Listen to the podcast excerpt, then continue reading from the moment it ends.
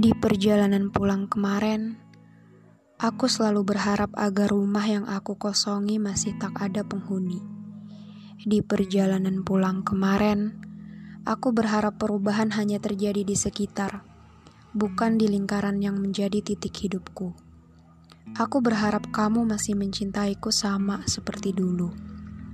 Dan akhirnya, setelah aku pulang, setelah aku berhasil menemuimu dan bersiap ingin menceritakan segala apa yang aku alami selama ini tanpamu, setelah tiga tahun aku tidak melihat langsung bola mata itu, akhirnya hari ini aku berhasil melihatnya secara nyata. Namun tatapannya menjadi berbeda. Tatapan itu penuh dengan rasa bersalah atau mungkin memohon agar aku tidak marah. Aku berusaha tetap tersenyum. Kutanya, "Ada apa? Kamu senang kan aku pulang? Kamu mau dengar ceritaku dari mana? Dari aku yang tersesat waktu sampai di Jogja?" Atau aku yang berhasil menamatkan studiku lebih cepat dari perkiraan awal? Kamu menggeleng. Di situ kamu juga tersenyum. Senyum paksa lebih tepatnya. Aku kembali berusaha untuk berpositif thinking, menganggap bahwa kamu hanya ingin menghabiskan waktu bersamaku dalam keadaan hening. Kamu senang kan aku pulang?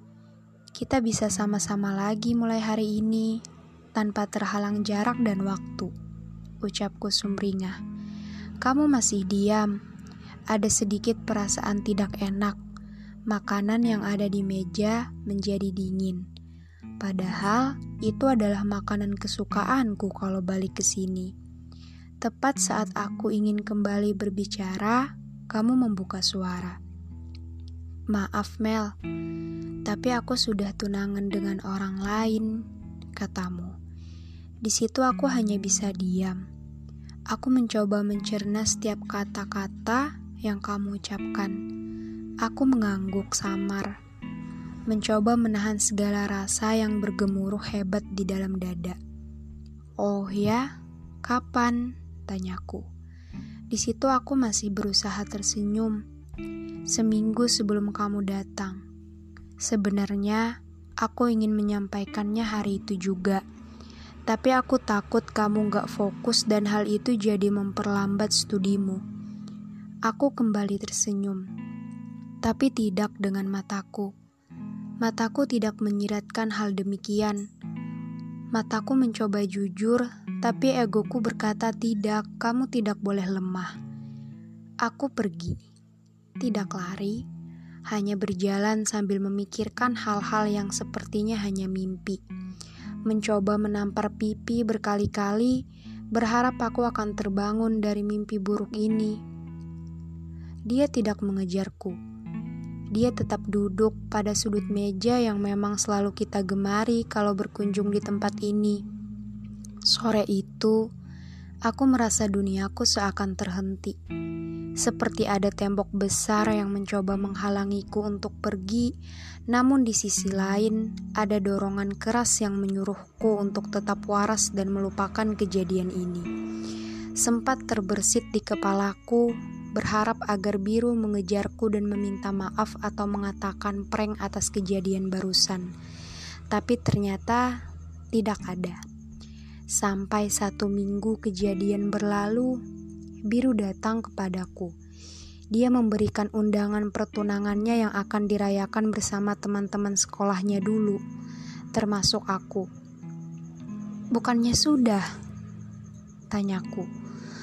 Ternyata itu baru acara kedua belah pihak keluarga. Setelah menerimanya, aku kembali masuk ke rumah, mencoret-coret setiap kertas diary dengan curhatan-curhatan yang menyedihkan. Terima kasih biru, kataku dalam kalimat yang aku tulis lima tahun lalu itu. Terima kasih atas lukanya, atas sedihnya, dan atas kejujurannya.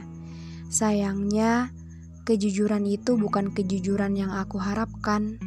Jadi, sejak hari itu, kalimat-kalimat tentangmu selalu menjadi hal yang harus kutuliskan, bukan sekedar ingin, tapi harus. Karena aku selalu berharap kamu bisa membacanya suatu hari nanti.